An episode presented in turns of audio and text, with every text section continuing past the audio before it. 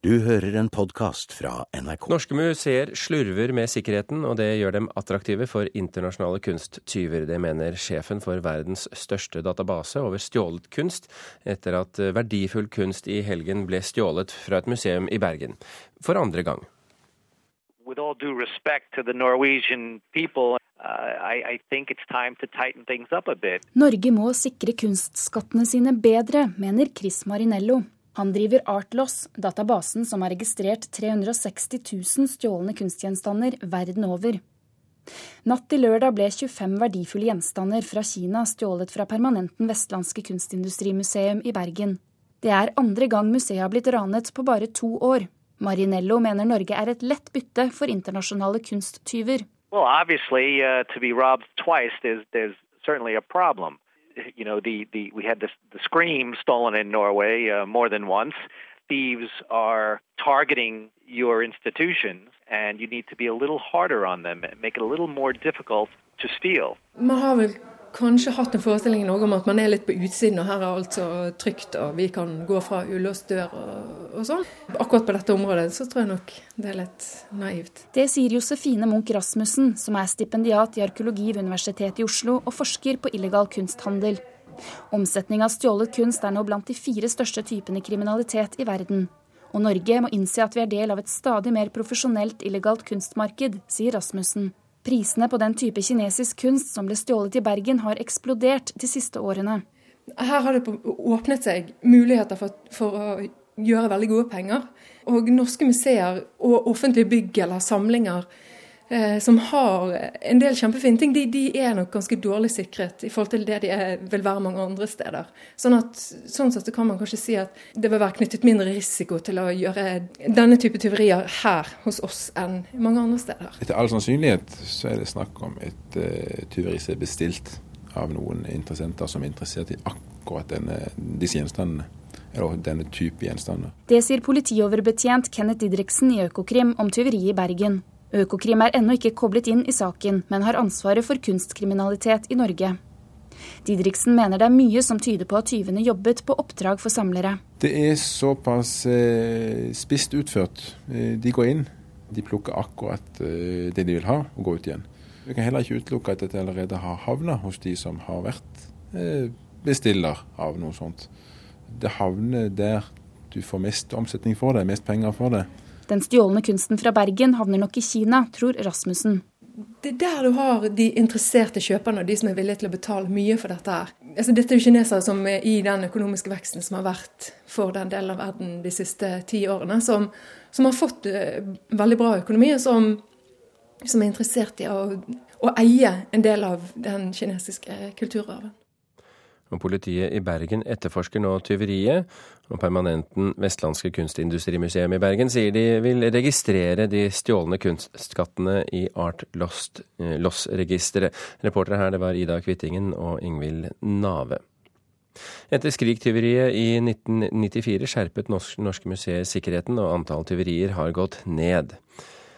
I fjor var det kun 14 tyverier. Det sier eh, Trond Vigeland Nilsen, generalsekretær i Norges museumsforbund, som ikke er enig i at norske museer slurver med sikkerheten. Generelt sett så er jeg ikke enig i en sånn eh, påstand, men det er klart eh, det alltid vil være et forbedringspotensial. Så mye har jo skjedd de senere åra. Sånn sett så har det jo vært en sterk nedgang i antall tyveri og tyveriforsøk siden midten av 90-tallet til nå. Men det er klart, vi kan ikke eh, slå oss til ro med dette. Det er jo også da ting som tyder på at det er eh, stadig mer profesjonelt marked for eh, stjålen kunst, f.eks. Og det må også museene ta inn over seg, at her er det nye utfordringer.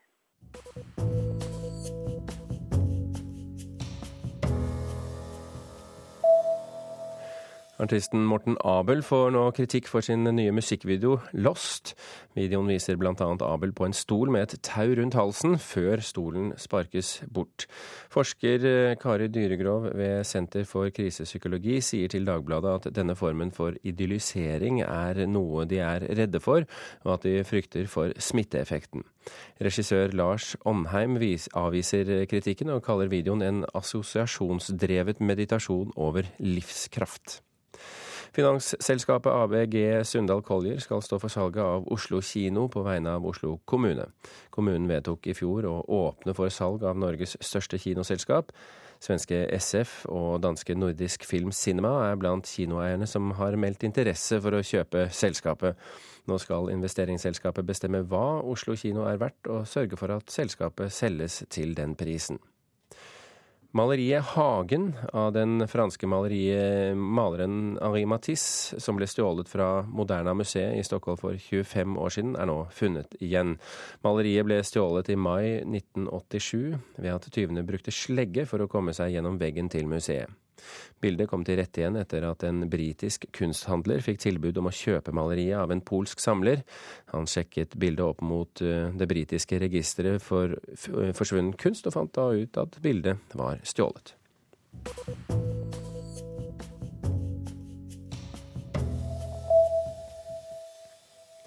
Best i Europa på barnefilm og best i verden på barne-TV-drama. Det er den offensive målsetningen til Norsk Filminstitutt.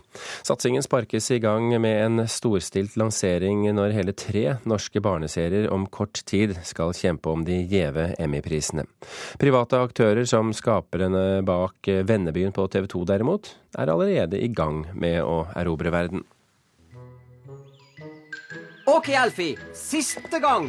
Er du klar? Klar! Nå! Animasjonsserien Vennebyen på TV 2 er solgt til hele 180 land. Fortellingene som Carl Christian Hamre fortalte på Sengekanten, har nemlig blitt til en innbringende og voksende business for Bergensmannen. Allerede finnes det liveshow, og det jobbes mot flere serier og en spillefilm med sikte på utlandet. For Hamre var det viktig å legge til rette for at utenlandske distributører lett skulle kunne forstå og siden kjøpe serien.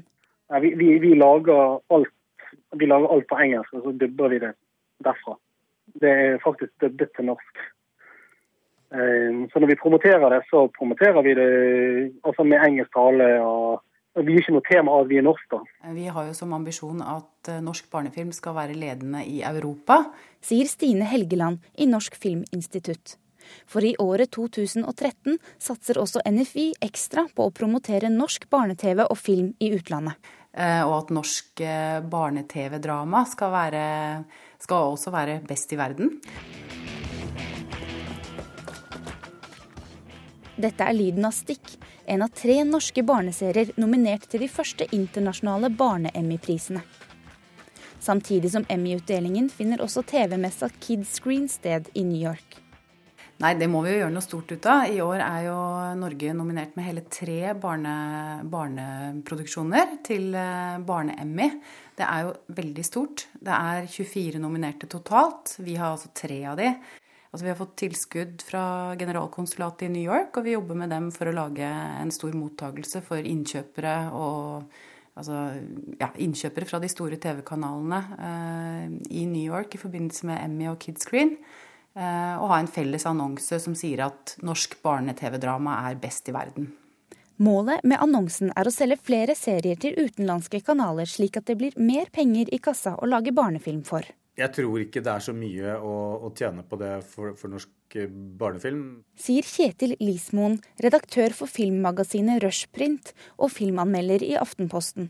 Altså, Hvis ikke du da lager en film som, som blir kjempepopulær, så skal du på en måte tjene store penger, så må du ha et, eh, et sånn voldsomt ambisjonsnivå som du har sett at eh, altså, de som står bak Vennebyen, har. da. Altså, du må, du, må, du må, tenke hele verden. Lismoen tror ikke det er mulig for norske animasjonsfilmer å konkurrere helt på linje med de største amerikanske aktørene på markedet som Disney og Pixar, men understreker at norsk realfilm for barn allerede har høy status og flere fortrinn. Fordi norsk film, i likhet med film i de andre skandinaviske landene har øremerket midler til film. Vi produserer barnefilm eh, jevnt og trutt, og det er det få andre filmnasjoner som gjør. Derfor så står vi i en særstilling og burde benytte oss bedre av det fortrinnet. Ja, det sa Kjetil Lismoen. Og hvorvidt det blir noe norsk barne-Emmy, det får vi vite 8.2. Reportere her var Ina Charlotte Fjellhøy.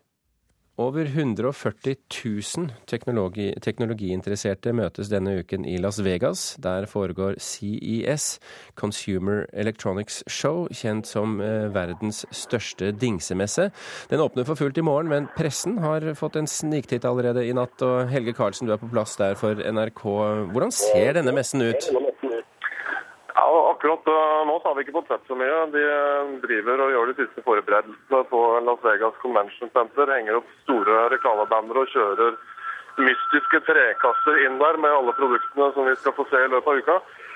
Men som du sier, så har de tjuvstarta litt. De begynte allerede på søndag med en pressekonferanse her. Og store aktører som LG, Sony og Samsung har jo presentert sine nyheter allerede. allerede. Det ser ut som det er TV som eh, fortsatt er det store. Hvilke dingser er det knyttet størst forventning til i år? Nei, altså TV eh, og også nettbrett er jo det som har blitt pekt ut som trender for årets messe. Også i forhold til hvordan mobil og nettbrett knyttes stadig tettere til dagligdagse produkter, som alt fra kjøleskap, hvor man kan ha kalenderplanlegging og overvåke barna når man lager mat. Og sånne ting, for å nevne noe. Da. Så det er, eh, det er eh, det å knytte sammen alle dingsene til én eh, felles dingseverden som snakker sammen, som liksom går igjen. Da. Det har jo vært mye spenning knyttet til en ettersigende revolusjonerende TV som Samsung skal lansere. Du har jo fått tittet på den for et par timer siden, tror jeg. Hva var det for noe? Samsung, i likhet med flere av de andre, har jo nå kastet seg på den såkalte 4K-bølgen. Det vil altså si fire ganger kvaliteten til det vi i dag kjenner som full HD-TV, det de fleste har hjemme i stua. Eh, det vi fikk se, var jo selvfølgelig noe de hadde spesiallaga for visninga, men det, var nesten så skarpt at det gjorde vondt i, i øynene. Så jeg gjenstår det bare å se om det blir levert innhold til disse TV-ene som lar seg støtte av det. Det kommer filmer i 4K allerede til sommeren, så da kan det bli riktig så god stemning i stua. Men, men, i hovedsak, eh, Helge, hvem er disse tingene til for? Er det oss forbrukere, eller er det bare teknofrikerne? Det er, eh, Her får du alt fra vaskemaskiner til eh, biler til eh, pyntegjenstander til iPhonen din, til mer tradisjonelle ting som fjernsynsapparater, mobiltelefoner. Det er, det er noe, både, noe, for han og henne og, og de små. Så dette er det som trolig ligger under noen jule, juletrær om drøye elleve måneder. Helge Karlsen, jeg vet at du er i Las Vegas også for å skrive flere artikler på nrk.no for de som er interessert i det. Så um, få deg litt søvn og sett i gang når morgenkvisten kommer til Las Vegas. Tusen hjertelig takk for at du kunne være med i Kulturnytt.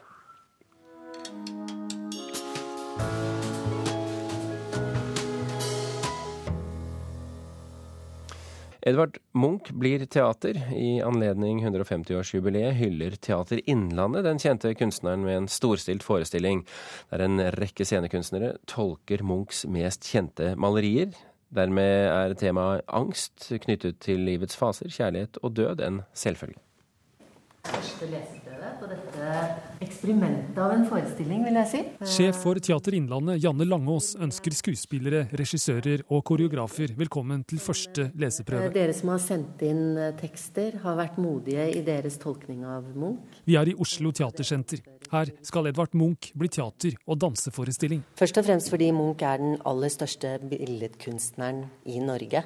Og å være med og hylle han, det føles helt vesentlig. Eh, det har kommet inn noen eh, små endringer på manus, men I fjor inviterte Regionteatret i Hedmark Oppland koreografer og dramatikere til å skrive nytt drama og dans inspirert av Edvard Munchs sentrale bilder. Av de vel 30 innsendte bidragene ble sju plukket ut. Det handler om å, å se hvordan dagens scenekunstnere tar til seg Munch. Hvordan tolker vi Munch i dag? Hvilket blikk har dagens kunstnere på Munch? Hvordan lar man seg inspirere av Munch? Det syns jeg er spennende og interessant. Og så får man selvfølgelig et, eh, et mer mangefasettert uttrykk når man bruker flere kunstnere samtidig. Kunne det være Ja, jeg kjente henne igjen. Hatten, de høye skoene og pelskåpen hun hadde fått låne av en venn. Skuespiller Steinar Tårn Sande prøveleser en av tekstene i den nye forestillinga. Hadde det vært før, hadde jeg snudd meg og veivet med armene ropt. Kanskje slått etter henne. Men det hadde jeg sluttet med. Forestillinga 'Kyss' er basert på Edvard Munchs sentrale bilder i livsfrisen. Det vil si hans sentralverk som handler om død, kjærlighet, kvinne, mann. De helt sentrale tema eller motiv som du finner i Munchs bilder. Sier Mette Brandtzæg, en av regissørene. I alt er fem scenekunstnere, fire dramatikere, tre koreografer og to regissører og en dramaturg med på å tolke flere av Munchs kjente bilder. Madonna, pubertet, de ensomme, Marats død, altså malerier og motiver eh, som, er, som, er, kjent for folk. Hun var av den typen kvinner som jeg alltid slumper borti. Disse kvinnene med lang, skarp nese og tynne, smale lepper. Han hadde jo et kvinne, forhold til kvinner som var komplisert. Han hadde det for seg at han aldri skulle gifte seg. Samtidig så var han jo svært tiltrukket av flere, eh, flere kvinner, som vi vet. Så um, det ligger en veldig spenning i det materialet. Instruktør Mette Brandtzæg mener det er behov for en forestilling om Munchs bilder der teater, dans, musikk og bilder flettes sammen. Når du har en så stor maler som Munch, født på Løten, så skulle det bare mangle om vi ikke skulle gi uttrykk for hvor stor han er for oss fremdeles i dag. Vi trettet, og det endte med at hun trakk opp noe og sa 'nå skyter jeg meg'. Jeg trodde selvfølgelig ikke noe på det, men for å være ridderlig la jeg hånden min over hennes. Og tror du ikke hun trakk av? Skjøt meg i fingerleddet. Og vet De hva hun sa da hun så jeg blødde? Å, jeg mente det ikke, Edvard. Jeg håper det ikke gjør vondt. Det var teatersjef Janne Langå som leste et utdrag fra en av Edvard Munchs tekster. 'Kyss' skal spilles i Hedmark og Oppland og i Oslo i mars, og har premiere i Munchs fødekommune Løten 28.2. Reporter her, det var Stein S. Eide. Kulturnytt var i dag ved Hanne Lunås, Vidar Sem og Birger Kolsrud Aasund. Hør Kulturnytts ettermiddagssending klokken halv fem på P2 i ettermiddag. Jeg lover deg flere gode kultursaker. Du har hørt en podkast fra NRK P2.